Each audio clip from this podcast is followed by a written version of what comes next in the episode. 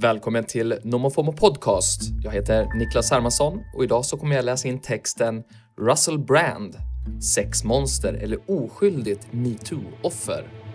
En kolumn som publicerades i Aftonbladet den 30 september. Russell Brand var den ultimata 00-talsidolen. En provokativ snygging som fick allt han pekade på.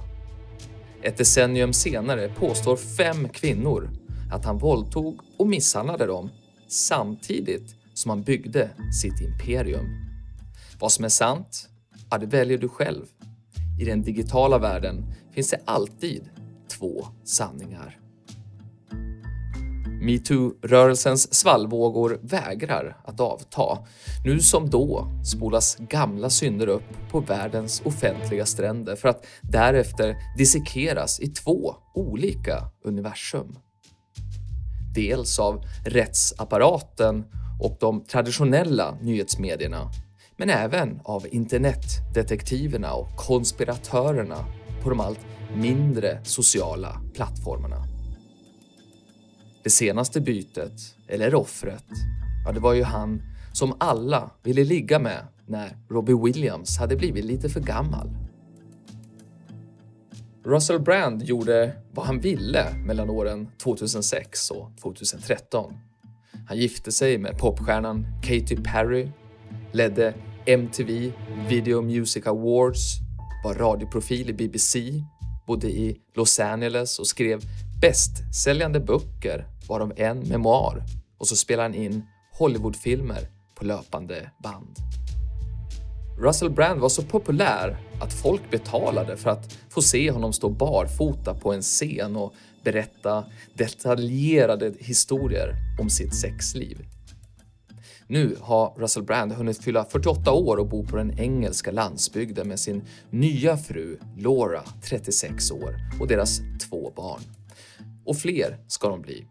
Laura är gravid, men det saknas knappast kvadratmeter i huset. Deras anrika hem, som har kopplingar till det brittiska kungahuset, ja, det har allt du behöver år 2023. Bio, pool och såklart isbad. Brand har till och med köpt en pub som han har förvandlat till en studio i den lilla byn Pishill. Det var där som han spelade in videon där han förnekar anklagelserna om våldtäkt, sexuella övergrepp och fysisk och psykisk misshandel. Bakom anmälningarna som skakar England står fem kvinnor. En av dem ska bara ha varit 16 år när hon plockades upp av Russell Brands privata chaufför efter skolan. Om de här anklagelserna är sanna, det återstår att se. Ingen är ju skyldig förrän domen har fallit. Men då, liksom nu, kan du själv välja vilken sanning du vill tro på. Det finns ju inte längre bara en. Medan polis och åklagare lägger sitt pussel byggs ett alternativt narrativ i vår digitala spegelvärld. I diskussionsforum och på de sociala plattformarna som Instagram, TikTok, Facebook, men kanske framför allt Telegram, X och 4chan, ja, där sprids virala filmer som avslöjar, eller vad man nu vill kalla det för, att Russell Brand länge har varit ett sexmonster. Som den där gången när regissören David Lynch vägrade samarbeta med Brand och han sa det rakt ut på scenen inför rullande kameror. Eller när musikern Bob Geldof toksågade Brand under en tv-sänd gala. Eller när komikern Sean Locke sa att han inte ville att hans döttrar skulle dejta den promiskuösa mångkonstnären. Har kändiseliten alltid känt till Russell Brands mörka hemligheter? Har de blundat och låtit övergreppen ske i tystnad?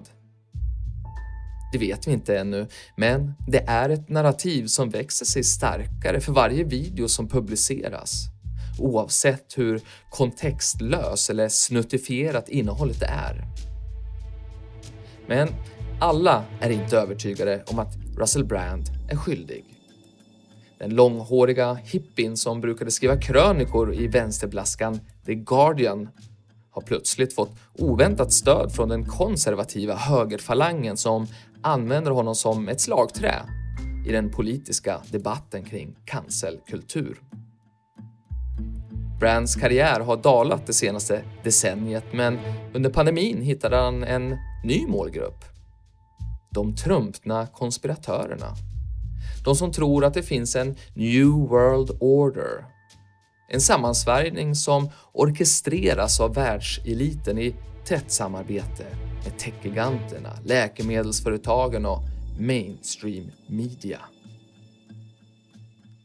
Den här kärlekssagan inleddes när Russell Brand publicerade en video i början på 2021.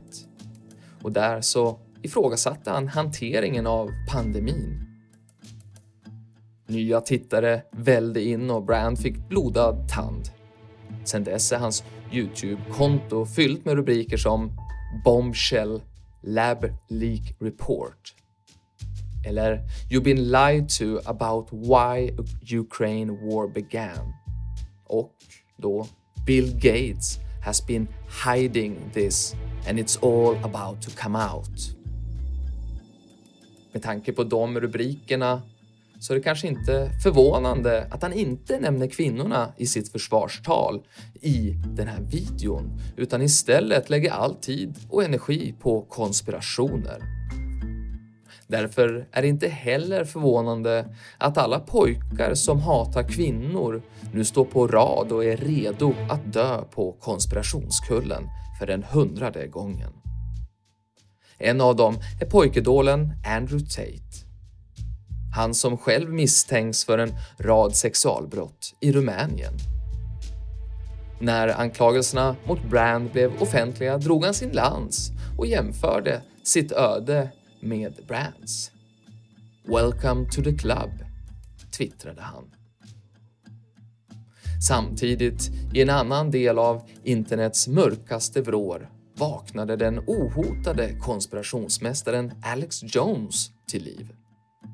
Det är han som driver den ökända sajten Infowars, men är kanske mest känd för att ha fått delar av världen att tro att skolskjutningen i Sandy Hook i USA aldrig ägde rum utan var en del av ett politiskt spel. Om han känner Russell Brand? You bet.